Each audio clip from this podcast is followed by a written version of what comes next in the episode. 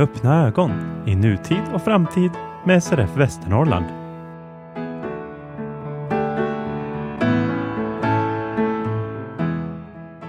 Hej och välkomna till detta extrainsatta avsnitt av Med öppna ögon, SRF Västernorrlands podcast. Avsnittet nu kommer få höra var egentligen tänkt att sändas 1 november, men eh, beroende på eh, tidsbrist hos bland annat mig som ska producera och klippa ihop den här podden varje månad så har det blivit något försenad och därmed så kommer det nu istället. Jag hoppas materialet är lika underhållande som det hade varit i november. Jag som talar heter Kristoffer Tillin och med mig i studion idag har jag Peter Tjernberg, goddag, goddag. I oktober så hade vi ett samtal med organisationen Aktiva Synskadade om vad den organisationen gör. Ska vi börja ta en runda? Berätta gärna vilka ni är som är samlade. Jag heter Melina eh, och är 19 år. Jag heter Angelica. Jag är 25 år och har varit med i föreningen sedan 2012. Jag heter Desideria. Jag är 25 och jag har varit med sedan 2010. Hur kommer det sig att ni gick med i föreningen? Jag fick ju tips lite om eh, en, en kompis och min mamma fick eh, brev om eh, idrottsskolan som aktiva synskadade hade, hade hand om lite då. 2014, 13 där. Eh, och sen hade jag en kompis, hennes, hans mamma var sjukgymnast på syncentralen och började prata om att det är väl bra också om du kommer med och tränar och träffar andra. Och det här kan bli roligt eh, och kommer in på aktiva, synskad, aktiva synskadade. Vi gör massa grejer, vi tävlar och ja, men, har läger, lite sånt aktiviteter. Jag kom ju med, det började genom eh, showdown-träningarna som fanns på onsdagar var det på den tiden. Eh, som jag började gå på en gång i veckan. Det låg i Stockholm. Det, det var en bra fritidsaktivitet liksom. På så sätt kom jag in och sen så efter ett tag så fick jag ju höra om att Aktiva hade läger på Mälargårdarna då som ligger utanför Enköping. Det är inte så långt ifrån Stockholm. Och jag hade liksom saknat lite grann en förening som hade fler läger för jag hade ju alltid åkt på SRFs eh, sommarläger för SIKAR då till exempel. Men jag hade saknat lite grann läger under, men under andra tiden på året. Så, som kanske inte bara var, eller som inte var så himla för UVS till exempel har ganska mycket så här, ja, men, påverkansgrejer och sånt. Jag var inte jätteintresserad av det i den åldern. Jag saknade mer bara roliga aktiviteter. och Då fick jag tips om aktiva eller om Mälargårdarna och då åkte jag dit och sen kom jag med ordentligt. Kommer jag var jättetråkig för min historia är ganska lik Angelicas. Jag började också spela showdown eh, en gång i veckan och det var kul. Um, och sen fick jag tips om Mälargårdarna också och jag var lite så först, oj vad är det här? För att de gjorde mycket som inte jag tänkte att man kunde göra. Typ köra bil på bana. Jag var så här, det här blir kul att övertala morsan och farsan om. det finns en liten chans att de har lite åsikter. Och säger nej. Uh, men jag ville verkligen prova så att jag tjatade och tjatade och tjatade tills de inte orkade höra på mig längre. Och då fick jag åka och hälsa på en dag på ett sommarläger för dem med ledsagare. Um, och sen var jag med på ett helt läger året efter och hade jättekul. Så så är det. Hörrni, vi måste ju bena ut det här. Så, vad, vad är det för typ av förening? Ni pratar showdown och läger. vad, vad gör föreningen? Vad, vad, är liksom uppgiften? Hur, om man ska vara storstadig, varför finns den? Aktiva synskadades uppgift har ju alltid varit att ge synskadade barn och ungdomar en aktiv fritid. Ja, och då har de gjort, vet du, i början så hade de dykning på Tomteboda och sen från att, från att det skedde så har man ju bara gjort mer och mer aktiviteter, liksom att köra bil och även gå på museum och sådana grejer. Så aktiva synskadade ser som att man ska inte begränsa att allt ska kunna vara möjligt. Hur länge har ni funnits? Så 1969. Projektet att dyka med synskadade började ju på Tomteboda av en som hette Sven 1967. Men sen bildades liksom föreningen på riktigt 1969. Och så hade vi ett, för fyra år sedan då, 2019, ett superstort 50-årsjubileum och det var roligt. För det var allt ifrån nyfödda bebisar som var med till folk i vår ålder till några som faktiskt var med när föreningen startade. Så det var väldigt kul. Ja, och innan hette föreningen, de har ju inte alltid hetat Aktiva synskadade, de har ju eh, innan hetat BBU, Blinda Barns Utveckling. Så det är lite kul att det inte heter så längre men det, då kunde man verkligen höra hur det var på den tiden när föreningen verkligen grundades.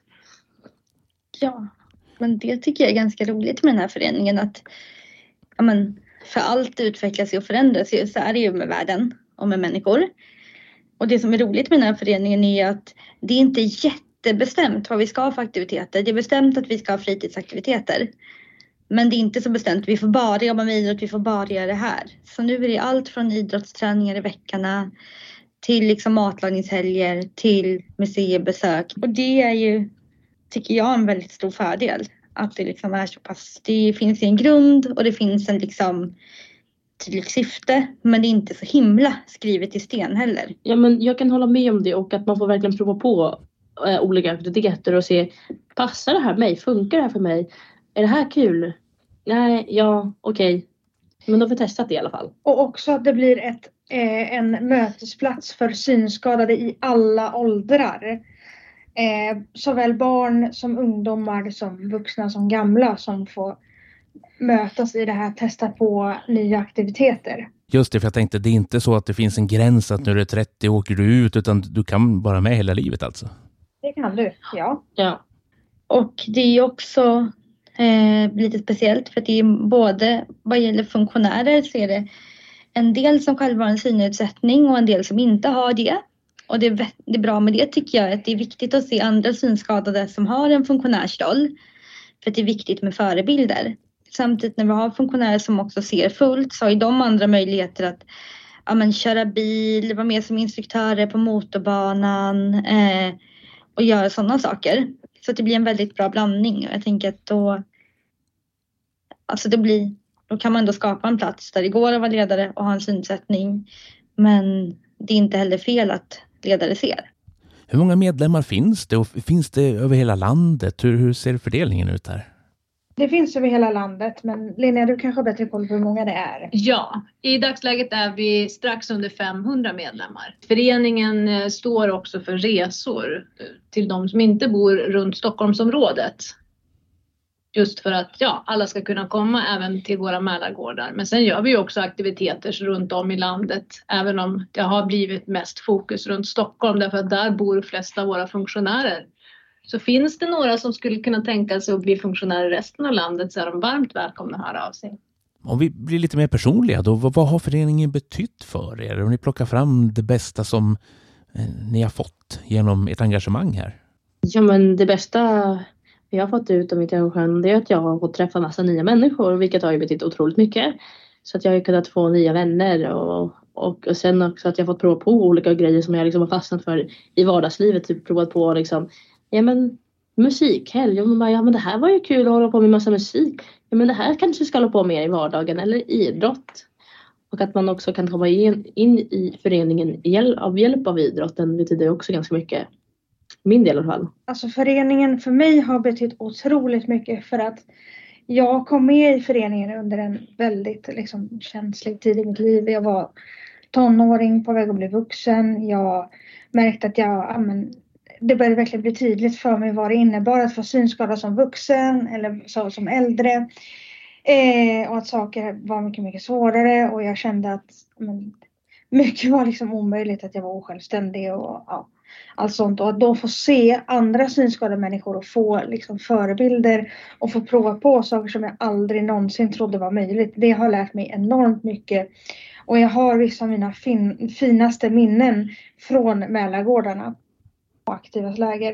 Eh, jag skulle nog säga att ganska liknande det de andra har sagt. Eh, för mig har det också betytt mycket att Mälargårdarna ligger ju lite mer så på landet. Jag bor i stan. Det har varit väldigt härligt att föreningen har ett eget ställe som man kan åka ut till eh, och vara på.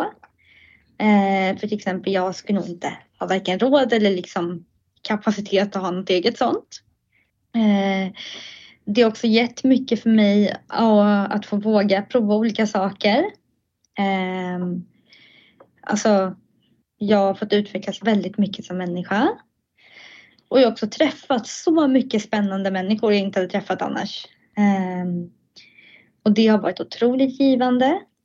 Ehm, och det har alltid varit lite som en as, att åka dit på en helg och få göra något helt annat och bara man lämnar vardagen i Stockholm Och så är man där och gör andra saker och sen kommer man hem med ny energi. Ja men det är ju som en helt annan värld på ett sätt. För att då, då är du där. Det är inte som att du kan åka hur som helst som du kan göra i Stockholm liksom. För är du där så är du där på Mälargårdarna. Det är också väldigt speciellt att vara bland likasinnade för en gångs skull. Att få slappna av och känna att okej okay, men här ser alla dåligt. Här är inte jag, eller inte allmän, alltså många, här ser många dåligt. Här är det inte bara jag som är annorlunda. Här är det inte bara att allting, men när jag ska göra någonting så står det 15 seende bakom och säger ah, det går så långsamt, det går så långsamt, vi måste göra det här gumman för att det här går fortare. Liksom, utan då får du din chans att ja, men, prova på att göra saker själv, prova på att lära dig saker med folk som ser men utan att det behöver gå liksom fort eller utan att du behöver känna dig sämre för att du inte ser. Ja, eller det är inte någon som säger oj, oj, oj, du gör inte rätt. Nej, nej, nej, nej, det här går inte. Du kan inte köra bil på motorbanan. Det här är konstigt. Mm. Liksom. För mig har det också betytt mycket. Jag har en funktionärsroll idag. Eh, att liksom tro på mitt eget ledarskap. Jag håller i skrivarkurser idag och min första prova på-grej hade jag faktiskt på Mälargårdarna en jättemysig helg när vi skrev både dikter och noveller. i många år sedan nu. Eh, men utan chansen att få göra det tror jag inte att jag hade vågat starta den gruppen jag har i ett annat sammanhang idag. Så det har också betytt väldigt mycket. Eh, så att vara volontär ger dels mycket för medlemmarna som får aktiviteterna eh, och som får gårdar som det liksom går att vara på. Men det ger också mycket för ens egen utveckling, både att vara medlem och att vara funktionär. Så att vara funktionär är inte bara ett givande.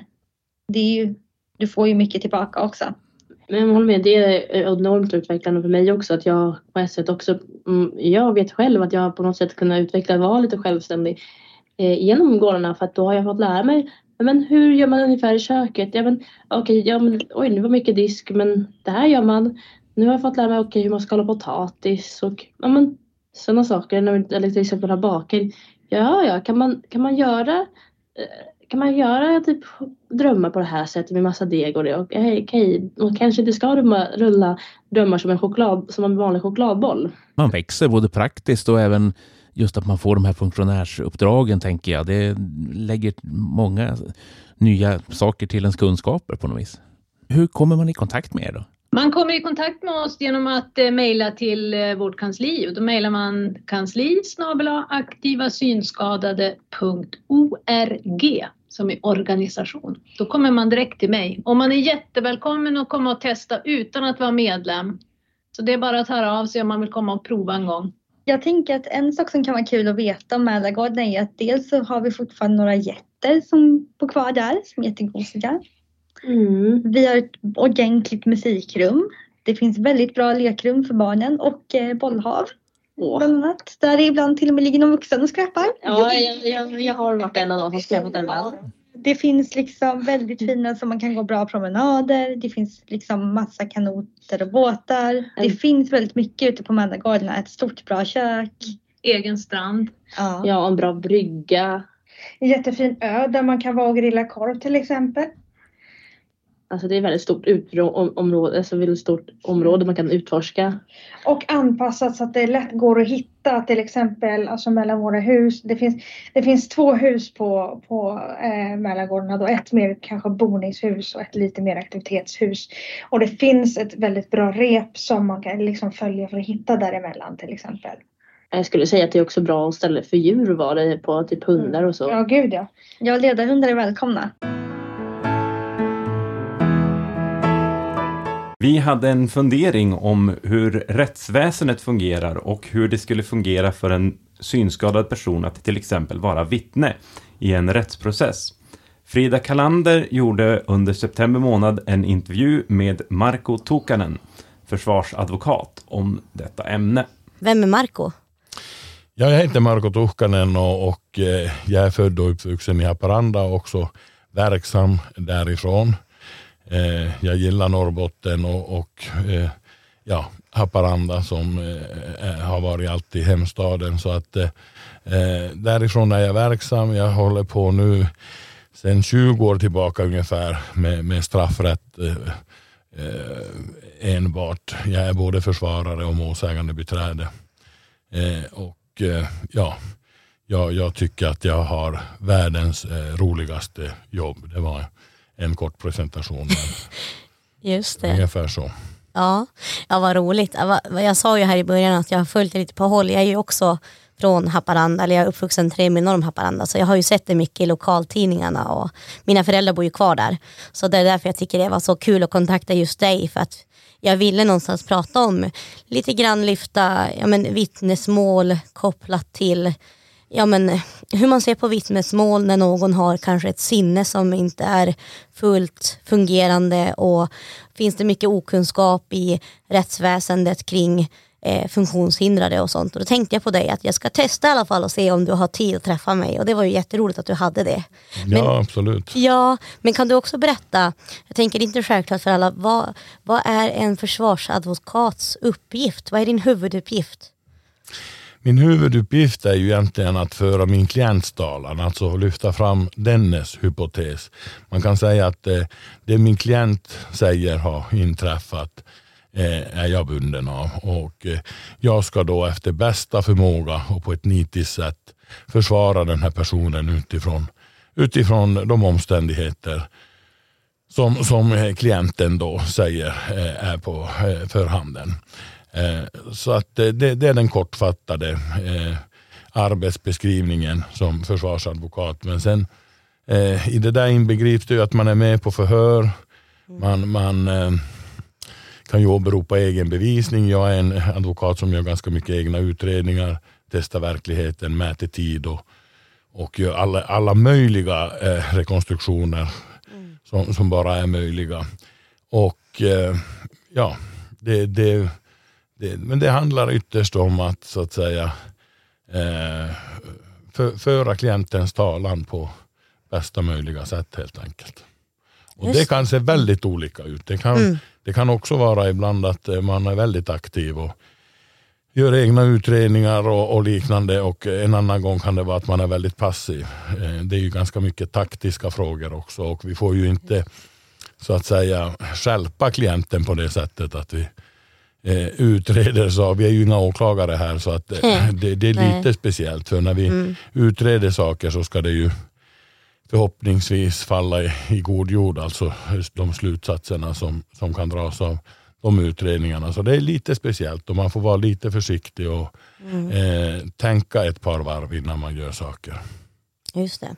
Vill du berätta vad, du berättar också att du är målsägande beträde. Vad är det för något då? Och målsägande beträde, då, då företräder man alltså eh, målsäganden som är offret, alltså den som har blivit utsatt för brott. Och då har man ju en helt annan roll. Då har man ju en mer stöttande roll eh, där man ska vara, även då är en juridisk expert, man ska eh, så att säga föra de civilrättsliga eh, sakerna, eh, det vill säga skadestånd, för, föra talan för klienten. Eh, men också eh, att man eh, kanske i, i de ärendena har en mer stöttande roll. Där, där man även för lite annan typ av samtal eh, som kan vara lite tröstande och stöttande och sådär. Så att det är ganska, det, det är ju samma juridik men det är ganska olika uppdrag och de ser väldigt olika ut. Men eh, jag tycker om att, eh, att eh, göra lite olika saker så man inte bara hamnar i ett fack. Just det. Är det något av, någon av de här rollerna som du föredrar eller tycker du finns en charm med båda två? Ja, om jag måste välja så är det försvarsadvokatsrollen som tilltalar mig mest. Eh, Så är det. Eh, Jag, jag eh, eh, växer på något sätt när jag får vara, eh, jag försvarar den lilla människan. Eh, och, och eh, den som oftast, jag brukar ta någon exempel när man har haft eh, uppmärksammade mål där klienten kanske har varit, har varit med om det, att det har varit kanske Sveriges mest hatade person vid tillfället. Och, och då är det viktigt att man får någon form av balans i det där och att eh, man, man måste tillförsäkra en rättvis rättegång och att man inte blir dömd på vad media skriver och på förhand. Och, eh, men, men när det är på det sättet och trycket är hårt eh, då, då tycker jag att min uppgift är ännu viktigare. Och, och någonstans så eh, växer man i den rollen när, när det ja, när behovet är som störst om jag nu uttrycker mig så, då, då känns ju naturligtvis jobbet också som mest eh, meningsfullt. Så absolut är det så. Ja, det förstår jag. Men hur är det? Jag har tänkt på det där när jag har ja, men sett dig och andra också försvarsadvokater försvara sådana personer som utåt sett kan ses som ganska hemska personer också. Som bland annat också då ses så innan det har fallit dom och så. Hur är det att veta om att du då också som försvarare kanske åker lite grann på att man tycker att hur kan du försvara någon så här hemsk människa? Mm. Det hör ju tack och lov till ovanligheterna. De där sakerna tror jag hänger ihop med det som, som eh, jag var lite inne på, det här med Mm. okunskap faktiskt. Ja. Att, eh, eh, ma- man försvarar ju inte brottet, Nej. utan man försvarar människan. Och oavsett vad vederbörande är misstänkt för. Vi måste komma ihåg att vi har ju också en oskuldspresumtion som går ut på att alla är oskyldiga tills motsatsen är bevisad. Mm. Så att eh, Även om man är misstänkt för ett väldigt hemskt brott så kan man ju vara oskyldig. Det händer oftare än vad folk tror. Och, eh, därför eh, kan sådana fall tilltala mig. För att där är vi återigen tillbaka i att där är kanske behovet som störst också. Mm. Om man riskerar livstidsfängelse och är oskyldig då, då gäller det ju att eh, spela sina kort på rätt sätt helt enkelt. Hur kommer det sig att du valde att bli försvarsadvokat? Är det någon särskild händelse i ditt liv som gjorde att du valde den banan? Ja, det är säkert många händelser skulle jag tro. Eh, och jag vet inte vilken som var eh, helt avgörande men eh, jag började jobba på Hinseberg när jag var 20 år gammal och då eh, fanns det inte så mycket att göra på dagarna när intagna var på sina arbeten. Så jag läste allas akt och det ledde till att jag började hjälpa ett par tjejer med kontakter med, med Jan Guillou och och journalister och sådär som, som Eh, de ville att jag skulle titta på deras fall. De hävdade att de var oskyldiga och sånt där. Så där började det väl lite grann. Men första terminen på juristprogrammet så hade vi ett rättegångsspel och, och eh, där tilldelades jag rollen som advokat och det, då kändes det verkligen som eh, ja, men självklart att jag skulle bli advokat och ingenting annat. Och, eh, det har jag aldrig ångrat och jag tror inte att jag skulle eh, ha passat lika bra i någon annan roll. Advokatrollen tror jag passar mig och min personlighet och hur jag fungerar. Mm. När, när utbildade du dig? Hur länge sedan är det? Ja, jag började läsa 98 och var klar 2002 någonting sånt där. Så att i, i det spannet. Just det, då har du ganska, helt enkelt ganska lång erfarenhet av yrket. Ja, jag har ju jobbat i drygt 20 år men jag brukar säga att jag har ungefär 40 års erfarenhet. Och Ja. det, det stämmer nog ganska väl för att Mm. jag, jag jobbar eh, kanske ungefär dubbelt så mycket än, än kanske medel eh, eller någon snittadvokat och sådär. Eh, Mm. för det, det gör jag. jag. Jag ägnar väldigt mycket tid åt mitt jobb. Ja, precis. Du, jag tänker om vi ska gå in lite grann på det här som jag nämnde i början med vittnesmål och så, som jag också kontaktar dig för, även om fin- även om det finns supermycket annat också. Men jag vill koppla lite till det, för det, det har ju varit lite diskussion i, ja men bland annat i synskaderörelsen kring, kring hur vi skulle ses som vittnen. Men vad tycker du generellt om just vittnen i ett rättsfall? Hur tungt väger vittnen? Jag tycker att vittnesmålen i rättegångar som Ja, eh, så här kortfattat så väger vittnesmålen alldeles för tungt. Och eh, det, det hänger ihop, alltså oftast när det blir fel så är det muntliga utsagor från människor som är medvetet eller omedvetet felaktiga. Det, det vågar jag påstå. Jag är ju vän av så kallad objektiv bevisning. Om man har mail, sms eller telefonavlyssning eller fingeravtryck eller DNA-spår och liknande. De, de är ju vad de är. Eh, medans eh, muntliga utsagor, för det första så är det ganska ofta så att eh, ja, en stor skara människor ser ett brott som eh, hamnar på film. Eh, och där ser man väldigt tydligt att det är ingen som någonsin har alla rätt. Utan eh, det, det, det, vi människor är otroligt dåliga vittnen. Det brukar jag alltid framhålla. Och, och Det finns ju olika forskning som säger lite olika. Men jag skulle säga att vi uppfattar 20-25 procent av vår omgivning. Mm. Men vår hjärna är så konstruerad att sånt som vi inte uppfattar fyller vi i med logik. Så att om, om vi inte ser ett slag utan vi tittar bakåt så är det någon som blöder näsblod, då lägger våra hjärna ihop att det, men det måste ha varit ett slag. Och, och till slut så blir det där en sanning att man har sett ett slag. Mm. Eh, fastän det kanske gick till på något helt annat sätt. Eh, och eh, det, det finns ju, eh, det, vi ska skilja på trovärdighet är ju det att man, enk, alltså man, man ljuger bättre vetande. Mm. Eh, det, det förekommer också. Det förekommer tror jag i större utsträckning än vad domstolarna kanske alltid vill inse. Menar Mm. jag. Man, man är lite godtrogen och kanske till och med lite naiv ibland. tycker jag. Eh, man, man tror lite för gott om människor och, och ungefär ställer sig den där idiotfrågan som jag inte gillar. Men varför skulle målsäganden ljuga? Eller varför? Jo, men det, det, vi vet inte alltid det och det finns många drivkrafter för människor att ljuga. Och, eh, men sen är det också den andra biten, det vill säga tillförlitligheten. Eh, och där är det som jag sa, alltså vi, vi, vi människor är inte särskilt tillförlitliga. Jag själv vet att jag är extremt dåligt vittne. Eftersom jag har läst i jurist så har jag fått testa det där någon gång.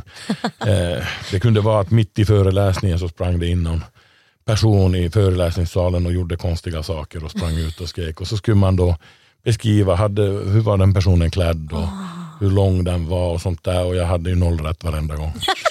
Så att, eh, Vad jag- intressant att ni får testa det i verkligheten själv. Ja, ja. Nej, men det kan Ja. vara bra att och, Mm. och få lite respekt just för hur svårt det är. Och Där är det stora individuella eh, naturligtvis skillnader. Eh, vissa är mycket bättre. Jag är, jag är på riktigt i kategorin riktigt uselt vittne. Men även de här bästa vittnena Mm. eh, finns det ofta stora osäkerheter kring. Sen är det en färskvara det vi ser. Eh, de bästa uppgifterna får man direkt i anslutning till att vi har iakttagit någonting.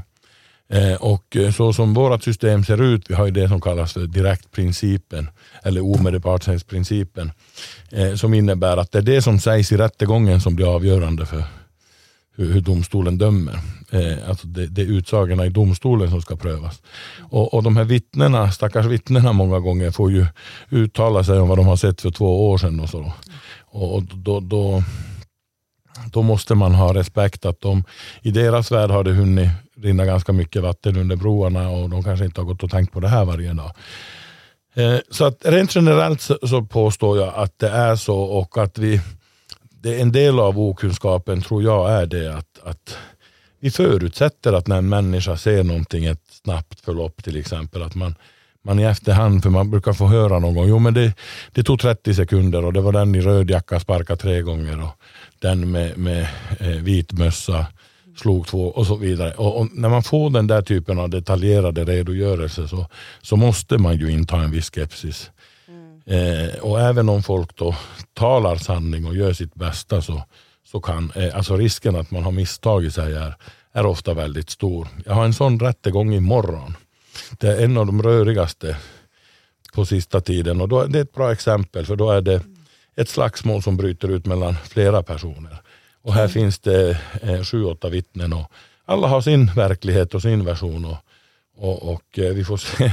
Tingsrätten tyckte jag plockade och, och lite väl häftigt från olika för att det skulle då passa in. Och, och jag hoppas till exempel nu att hovrätten är lite mer kritisk och inser att vi kan inte uppnå alla gånger det här beviskravet som är 98-99 procent på bara muntliga utsagor. Så här. Alltså ska, vi, ska vi vara hyfsat säker på att en oskyldig inte döms då, då, då tycker jag det är svårt att uppnå det här beviskravet många gånger bara på muntliga upp, uppgifter så att säga. Mm. Men vill du beskriva lite grann i kortfattat skillnaden som du anser på trovärdighet och pålitlighet? Eh, tillförlitlighet. Ja, tillförlitlighet. Bra, tack. Ja. Nej, men trovärdighet är ju det. Om en person är trovärdig, eh, det vill säga då utgår man från att den gör sitt bästa. Det vill säga att man inte ljuger eller undanhåller någonting eh, medvetet. Gör man inte det, då är man trovärdig. Man kan ju vara väldigt trovärdig, men man är helt ute och cyklar. Det vill säga man berättar, man tror att man har sett en sak. Så länge man berättar det som man själv tror är sanningen, då är man trovärdig. Men att vara trovärdig är inte lika med att man har rätt. Eh, och Det andra är så att säga hur tillförlitlig uppgiften är.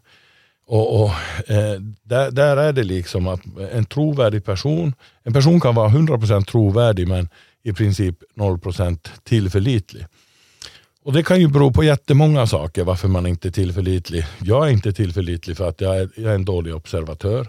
Man kan vara väldigt berusad kanske, då är man inte heller så tillförlitlig kanske. Även om små mängder alkohol kan faktiskt eh, eh, på ett gynnsamt sätt eh, så länge det inte är stora mängder göra att man kommer ihåg saker faktiskt bättre. Det är en sån där sak som jag tror domstolarna inte tänker så utan det ska alltid utredas om man har druckit två, tre öl och har man gjort det så ser man med lite skepsis på de vittnena. Men, det, men det, det, det finns ingen stöd i forskning att det är så. Mm. Sen, kan man ju, sen kan det ju vara att man har sett någonting från långt håll.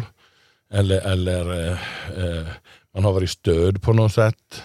Det, det, har varit, det har inte fri sikt eller något sånt. Sånt här gör ju att uppgifterna inte blir då tillförlitliga. Man kan ha helt enkelt sett fel. Och där tänker jag att om det finns funktionsnedsättningar så tror jag att det är väldigt utmanande och väldigt svårt för domstolen att eh, göra en korrekt bedömning av tillförlitligheten. För att eh, där skulle man nästan behöva stödbevisning i form av Ja, men att man skulle, och sånt händer ju, att man kan testa en persons förmåga. Alltså man kan, det är typ sånt jag brukar göra. Att om mm. ett vittne har sett någonting från 100 meter, jag känner till platsen. Då brukar jag gå själv först och titta, är det här rimligt?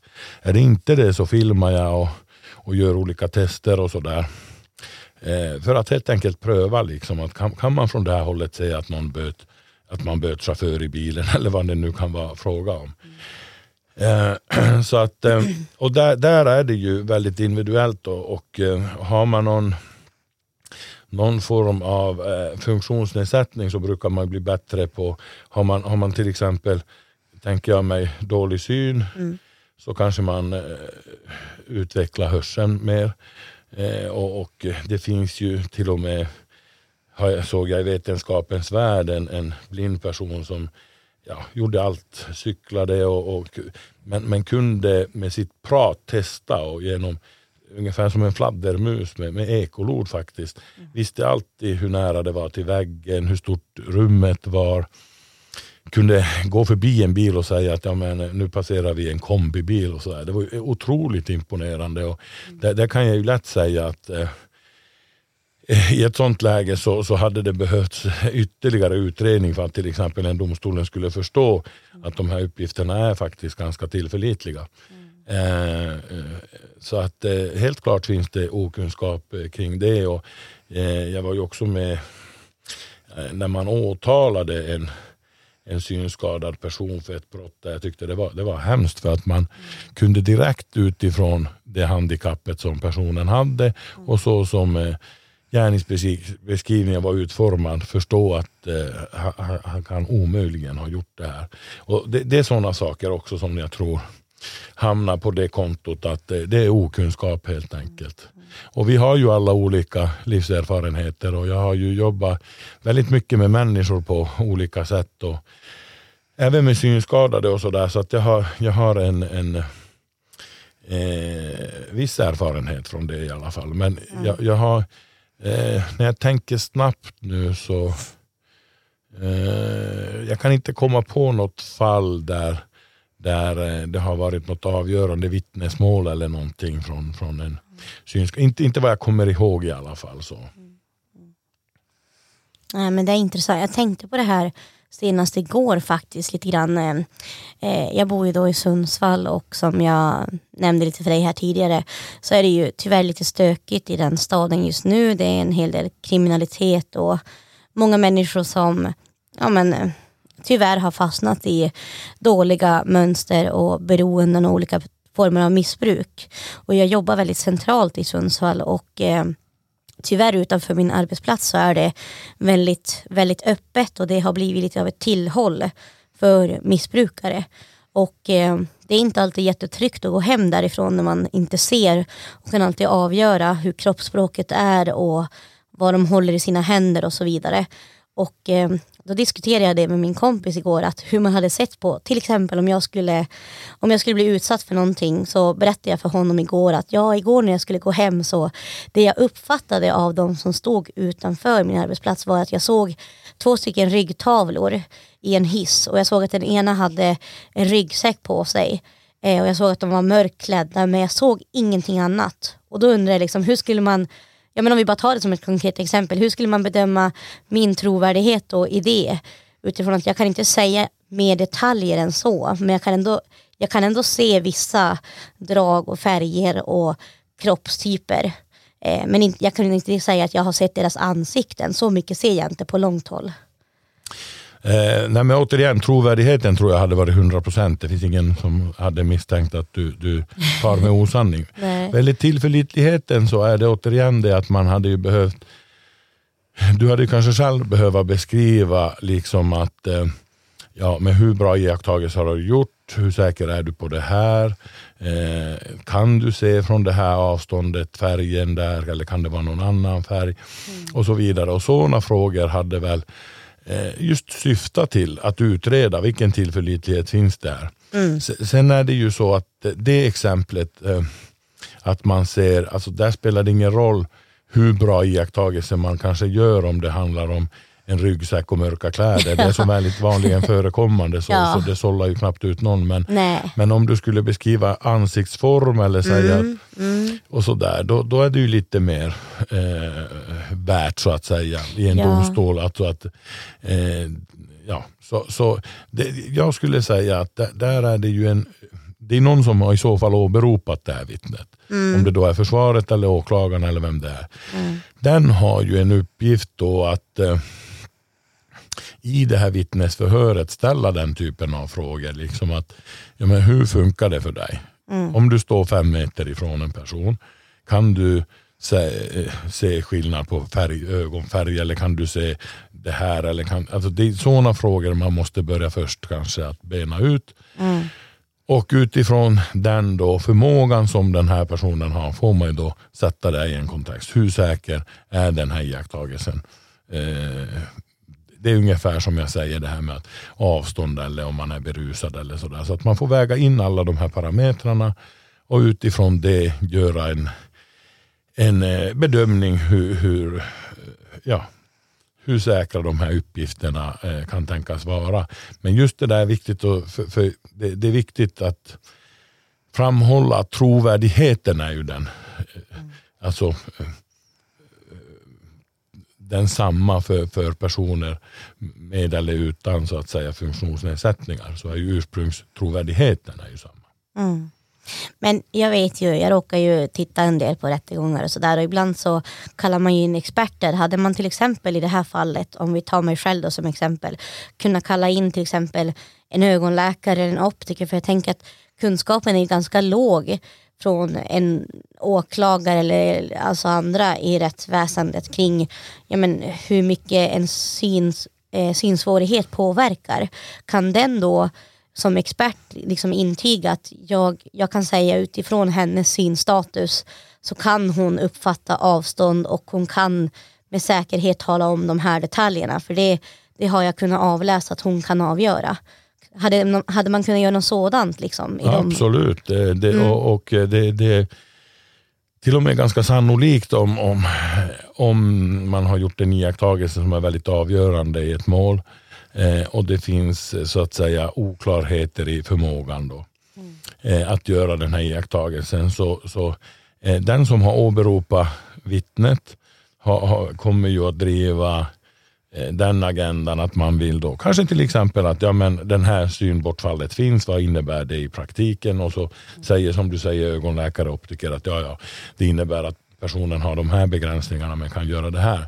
Precis på samma sätt som kanske försvaret i så fall. Om försvaret inte gillar den hypotesen som, som det här vittnet för fram kan ju göra samma sak. att man åberopar då till exempel en ögonläkare som säger att ja fast eh, här är kanske inte synen på det här hållet så skarp om man har de här. Så att det går åt bägge hållen. Men, men, men, Mm. men eh, så är det. Så, den typen av stödbevisning tror jag skulle bli aktuell om, Mm. om, om, eh, om eh, det finns frågetecken kring förmågan att göra tillförlitliga iakttagelser. Mm. Eh, jag diskuterade lite grann med min kompis här igår och han menar på att det finns inte några studier eller något belägg för det här men utifrån vad du tänker, eh, har man någon slags uppfattning om, eh, värderar man liksom synbortfall och hörselbortfall likadant i rättsfall? Alltså, för jag har ju både hörapparater och en, hörs- eh, och en synnedsättning. Så jag har ju egentligen nedsatt hörsel och syn. Men spelar det någon roll där egentligen i mitt vittnesmål vilket av sinnena som är, alltså har det någon påverkan egentligen skulle du säga? Eh, Det beror ju på vad man, vad man iakttar. Ibland så kan det ju vara så eh, jag men säga att eh, man ser någonting och det man ser eh, hör ihop med ett ljud. Jag tänker till exempel att en person faller ner på golvet. Eh, då, då kan det vara bra om man kan koppla det med ett ljud, till exempel att jag hörde ett skott gå av eller någonting sånt. Mm. Så återigen, det där är väldigt svårt att- svara på. Jag för- förstår det. Jag det, förstår det, det. finns nog inget sånt svar. Men, eh, så, så att eh, det, det är ju liksom, för det kan ju vara en iakttagelse där exempelvis en nedsatt hörsel har ingen betydelse alls. Nej.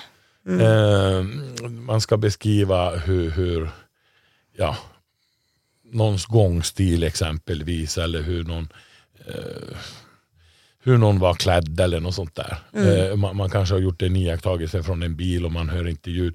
Då är det ju, det är ju helt irrelevant. Mm.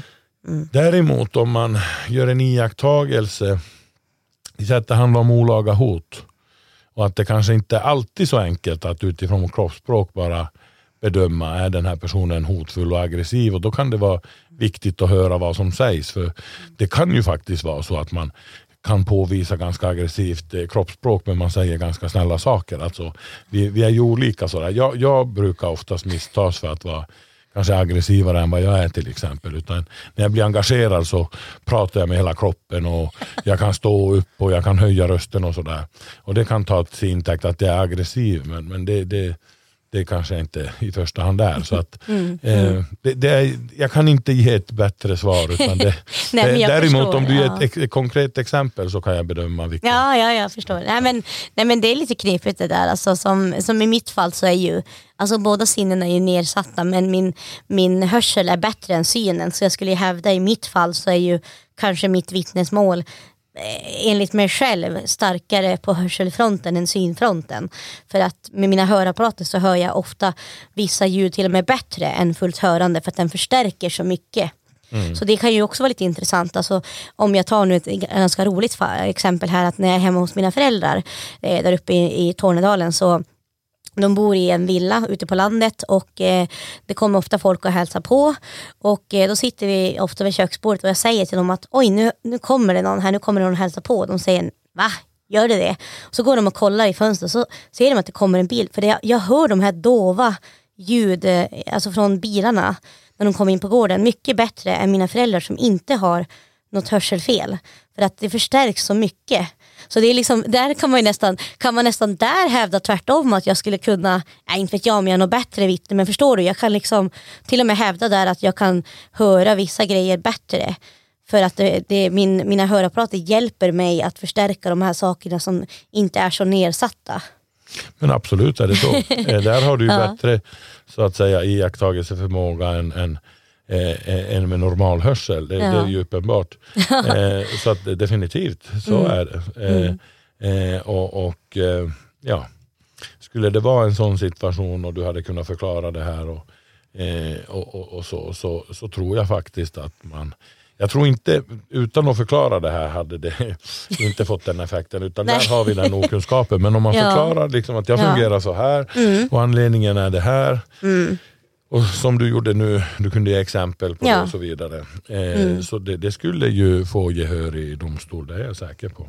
Precis, och jag tänker också att alltså just om man bara, vi ska lämna det här ämnet snart, men i, i hörselfallet här så har vi ju audiogram. Och där är det ju så svart på vitt att du ser kurvor. Där du kan, det kan, man kan liksom inte vad ska jag säga, det är väl ett slags bevis på att så här hör hon. Eh, liksom, man kan visa det att det här är hennes hörsel. Och, och de här eh, basljuden så hör hon väldigt bra. Eh, och det går ju liksom kanske inte då att jag vet inte, försvara bort eh, för någon. Utan om jag då också berättar att, eh, och kan, att mina föräldrar kan intyga att det stämmer att hon ofta hör många ljud före än vad vi hör. Eh, och att man kan se det på ett audiogram så måste väl det kanske vara ganska starkt. Absolut, det skulle vara fullt tillräckligt för att eh, ja. eh, domstolen skulle tillmäta eh, en sån iakttagelse högre värde. Det, det, absolut, Mm. självklart. Det, Mm. eh, bara man liksom kan eh, ja, men argumentera och förklara eh, för sin sak så, så eh, är det definitivt så. Och det, jag kan tänka mig att det kan handla om andra saker också. Att man, man kanske till och med utvecklar lukten bättre.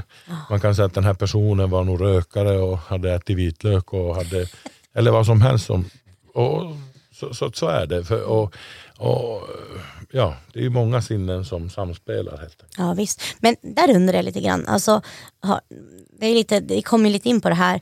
Eh, är det viktigt som vittne egentligen att kunna vara, som jag nu är, väldigt beskrivande och förklarande? Alla Alltså jag tänker att det är en ganska utsatt situation och kanske inte en bekväm situation att kallas in som vittne och att du kanske också många gånger tvekar inför att göra det. Men är det viktigt att försöka vara som jag nu var inför dig, att man är så utförlig som man kan?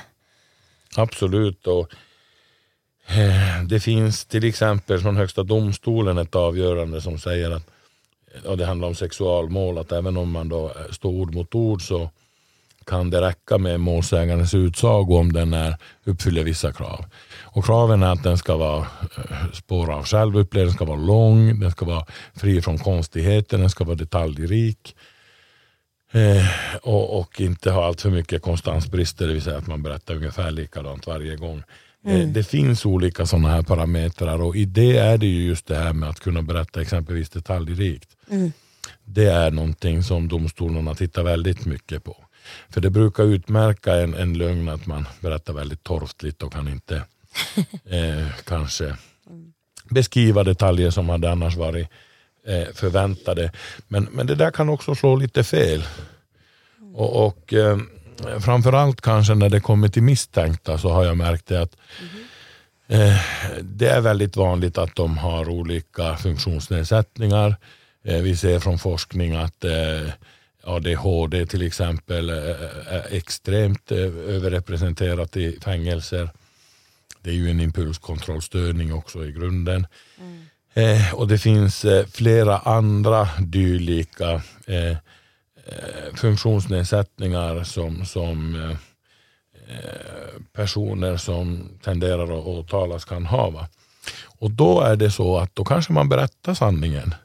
Men man har inte förmåga att berätta detaljerat på ett rikt sätt. Man kanske inte har ord för ord för det. Man kanske har andra, man är obekväm ens att tala inför folk och det är det värsta man har gjort. Och då blir berättelsen väldigt ko- kort och den blir torftlig.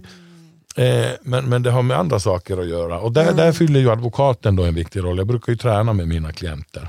Ja. Så att de får träna på det här förhöret och lite sånt där om det är större viktiga mål. Och, och så brukar jag hjälpa dem med de här detaljerna. Men där måste du ju berätta att eh, du såg det där och du upplevde det där. Du får inte, eh, och, så där. och att man dels förstår varför det är viktigt med de här detaljerna och att det kan vara avgörande för hur, ja, men hur domstolen eh, helt enkelt värderar trovärdigheten från din berättelse.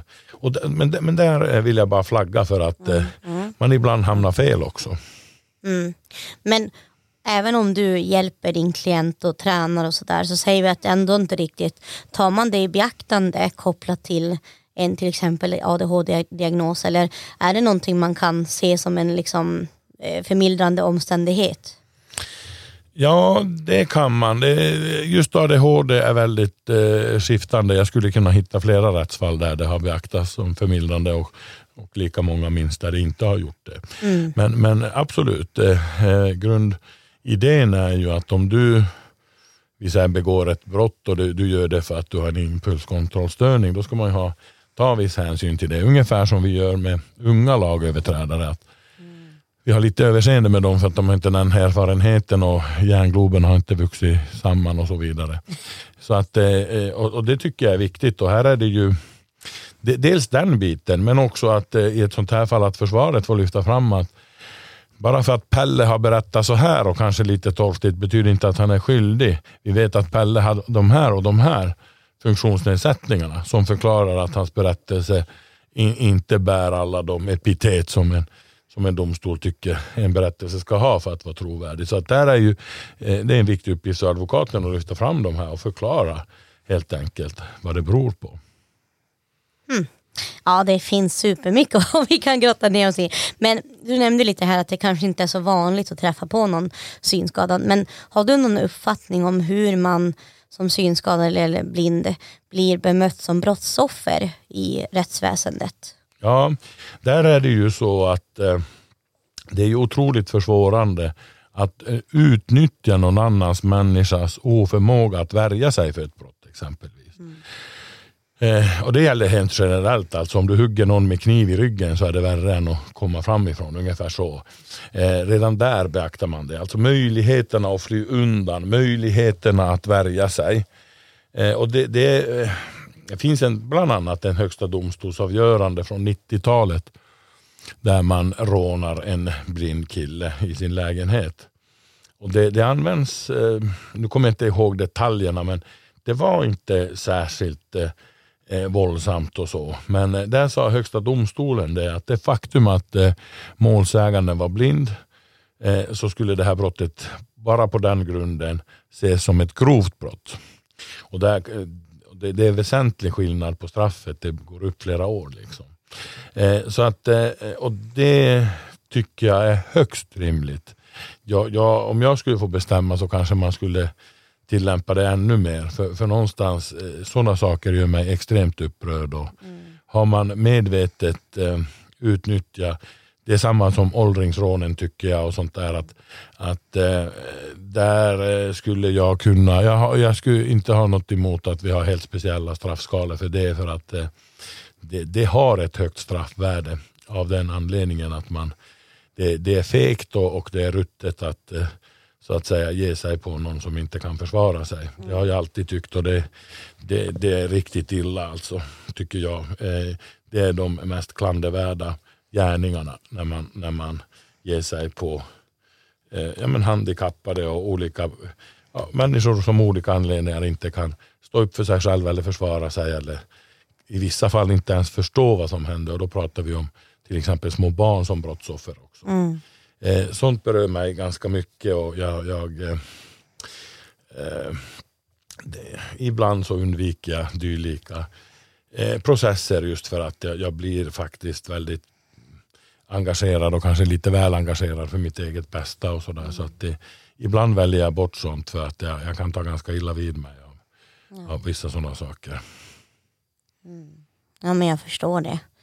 Absolut. Och de får ofta, tycker jag, också väldigt stor uppmärksamhet i media, de här fallen som kommer fram. Att någon har ja, man hoppar på ett barn eller en funktionshindrad eller en äldre. Och det tycker jag är helt förståeligt att det kanske får en annan uppmärksamhet också. För det är ju, som du säger, jag tycker det är en känsligare karaktär i de brotten. Ja, verkligen. Och, och, då ska de, tycker jag, straffas därefter. Ja, eh, för, ja men det är faktiskt mm. så. Ja. Eh, man ska ge sådana personer lång tid att grubbla över vad de gjorde på fängelset. Att, att, eh, mm. Ungefär så kan jag, kan, kan, jag se på det. Ja, precis. Men du som försvarare då, hur skulle du se på en eh, synskadad som eh, vittnar i ett mål? Om du tänker utifrån din försvarsroll. Skulle du se något annorlunda på det vittnesmålet utifrån hur vi har pratat? Nej, inte så, utan jag skulle göra mitt jobb helt enkelt. Eh, och, och skulle det i det enskilda uppdraget krävas att jag eh, antingen förhöjer eller försöker sänka eh, vittnet så att säga möjligheter till tillförlitliga eh, iakttagelser så kommer jag att göra det. Det är en helt annan sak tycker jag. Utan där, där eh, måste jag ju se till att det belyses på det sättet som är gynnsamt för min klient. Mm. Alltså där finns det inga generella, om man säger, eh, hänsyn eller något liknande. Utan där är det min klients bästa som gäller i alla lägen. Hur stor påverkan anser du att mediebevakningen har i olika rättsfall? Ja, det, det, jag ska börja med att säga att det är en mycket svår fråga. Eh, men Mm. min uppfattning är att den har större påverkan än vad domare själva och åklagare och så kanske vill tillstå. Jag menar att vi är människor och vi är ganska lätt påverkade. Eh, och eh, det, det, det, det är svårt att liksom helt borsta bort sånt. att ja, men, Exempelvis vissa eh, uppmärksammade rättegångar där det kan gå fyra, fem, sex månader kanske från gärning till rättegång. Och tidningarna skriver varje dag, löpsedlarna skriver ofta i termer om att de här personerna redan är skyldiga och så vidare. Eh, och eh, jag, jag kan inte tänka mig något annat än att det här sätter en press på domstolen som inte är bra för någon. Eh, det, det, det, du skulle få ett annat svar om du frågar. De flesta domare säger nej, men det spelar ingen roll vad som står i tidningen. Vi dömer ju på bevisningen. men men, men då, då tror jag man har missuppfattat eh, människan till kortakommanden och, och hur lätt påverkade vi är och så vidare. Jag såg ju den här via Play-dokumentären med dig där ni granskar Arboga-kvinnan och det fallet. Och eh, där tänkte jag faktiskt själv på det innan ni gjorde den här dokumentären för den kom ju ändå ett tag efteråt. Eller vad man ska säga. Men alltså hur mycket det faktiskt skrevs om det här. Och att det skrevs så mycket innan det ens fanns någon dom på plats. Alltså om vi bara tar det fallet som exempel. Eh, vad anser du där? Tycker du att media var alldeles för snabb med att rapportera och liksom gick in för mycket och började döma saker?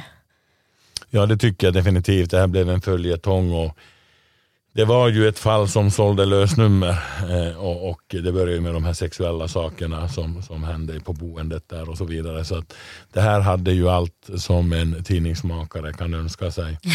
och, och där tror jag att man har mycket lite hänsyn till så att säga, den kommande rättegången utan här vill man sälja lösnummer och, och eh, det är fortfarande idag, jag vet inte hur många år det nu har gått men eh, även idag så säljer det fallet lösnummer för man ser titt som tätt att det, det, det hamnar upp någonting kring, kring det. Och, eh, jag fick ju uppdraget att titta på det här fallet och jag hade, kunde ingenting om det mer än det lilla jag hade läst och sådär i media. Mm. Eh, jag var lite naiv där och tänkte att det är en så stor utredning. Den var internationellt också uppmärksammad. Så jag tänkte att det, här har ju poliserna fått skärpa sig och, och, och här måste det väl ha ändå gått rätt till. Jag jobbade ett dygn med det där fallet och inser ju på en gång att man har ju hamnat väldigt galet där. Så att, eh, Mm. Eh, sen om det hade med mediebevakningen att göra, det törs jag absolut inte säga. Men, Nej. men, men eh, jag är själv helt övertygad om att hon- inte var gärningsman på det sättet hon dömdes för eh, eh, i, i det här ärendet mot föräldrarna. Och, och, att, eh, att man, eh, ja, I korthet så har man godtagit den här medmisstänktas tolfte version av händelseförloppet. Och, och, och, eh, Mm. vad är ursprungssannolikheten att just den tolfte versionen är sann? Jag vet inte. I, i min Ja. värld är den låg. Nej, men är inte det lite som vi har pratat om här nu, att han ändå var vittne och att han någonstans var ett vittne som också ändrade sig hela tiden? Ja, han var in, inget vittne, det ska Nej, vi ha nej just det, inte vittne, men vad, vad kallar man han då? Han, han är misstänkt. Misstänkt, ja förlåt. Och det är stor skillnad. för ett Mm. vittne hamnar i finkan om, om ett vittne ljuger. En mi- medmisstänkt eh, eller misstänkt får ljuga. Ja, Eh, just och, och, och han gjorde ju det som en häst galopperade. Och, eh, och sen när tolfte versionen var den som tilltalade polisen och då sa man ja men nu klappar vi den här utredningen och väcker åtal. Eh, och och eh, det är riktigt illa tycker jag. Det, det är en Mm, vanskött utredning eh, enligt mig. mm. Hur mycket har man kunnat höra hennes mamma kring det här? Hon var, blev ju ändå väldigt svårt skadad. Ja, hon eh, har ju eh, ändå kunnat berätta en hel del. Sen när den här tidslinjen inte gick ihop så hette det ju det att hon måste ha blivit gått in och ut ur medvetslöshet.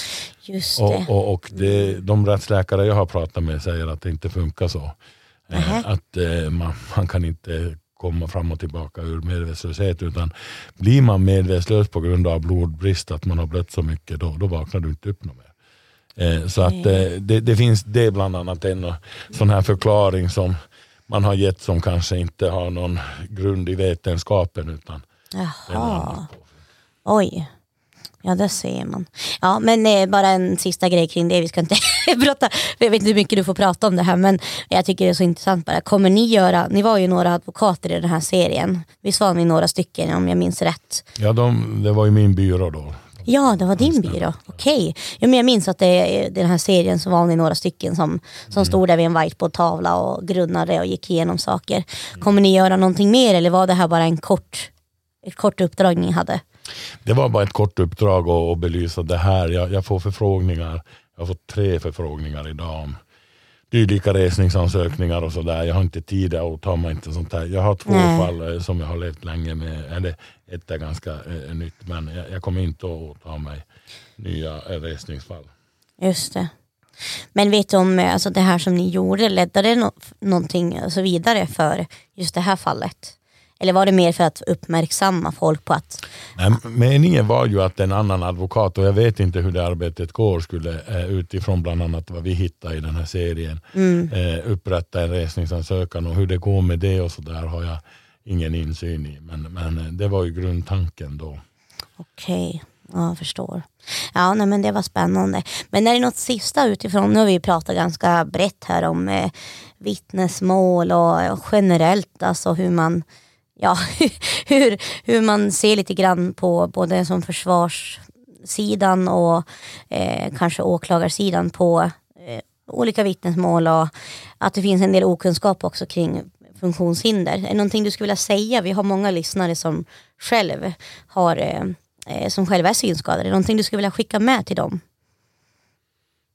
Uh, nej, men att, att man, man ska liksom uh skulle man hamna i en sån situation så får man inte diskvalificera sig själv utan man ska ju då på ett bra sätt förklara vilka iakttagelser man är eh, förmögen att göra och, och, och eh, har, har, man gjort eh, någon ja, eh, iakttagelse som, som man anser kan ha betydelse i en brottsutredning så ska man inte dra sig för att eh, kontakta polisen och, och, berätta det man har eh, iakttagit helt enkelt. Så att eh, det tycker jag är det viktiga, att, att man inte själv så att säga utgår från att nej, men det här mitt vittnesmål kommer aldrig liksom att hålla. Eller det kommer, utan låt, låt andra bedöma det. Mm. Eh, det tycker jag är viktigt. Och sen som sagt att eh, hamnar man i det läget så måste man själv förklara varför man har kunnat göra den iakttagelsen man har gjort helt enkelt. Där, där har man ju en, en uppgift själv att förklara att ja, men jag fungerar så här. Eh, till exempel det du var inne på med din mm. superhörsel och så vidare. Ja. Men du Marco, om man nu sitter här och faktiskt behöver en, en bra försvarare, hur, hur når man dig om man vill få kontakt med dig?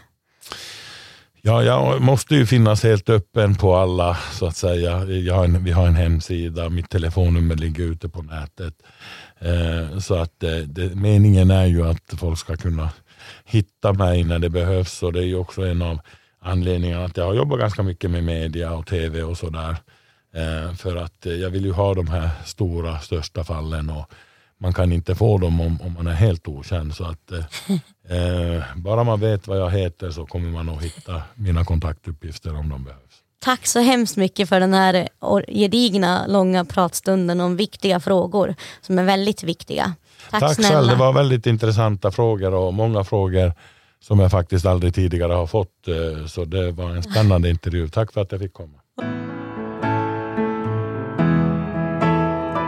Det var allt vi hade för detta extrainsatta avsnitt och som alltid, om ni har förslag på inslag ni gärna vill höra, eh, vill framföra åsikter om sånt vi gör eller inte gör så är ni välkomna att kontakta oss antingen via mail till Vasternorrland srf.nu Eller så kan ni ringa till Peter på 070-860 4032.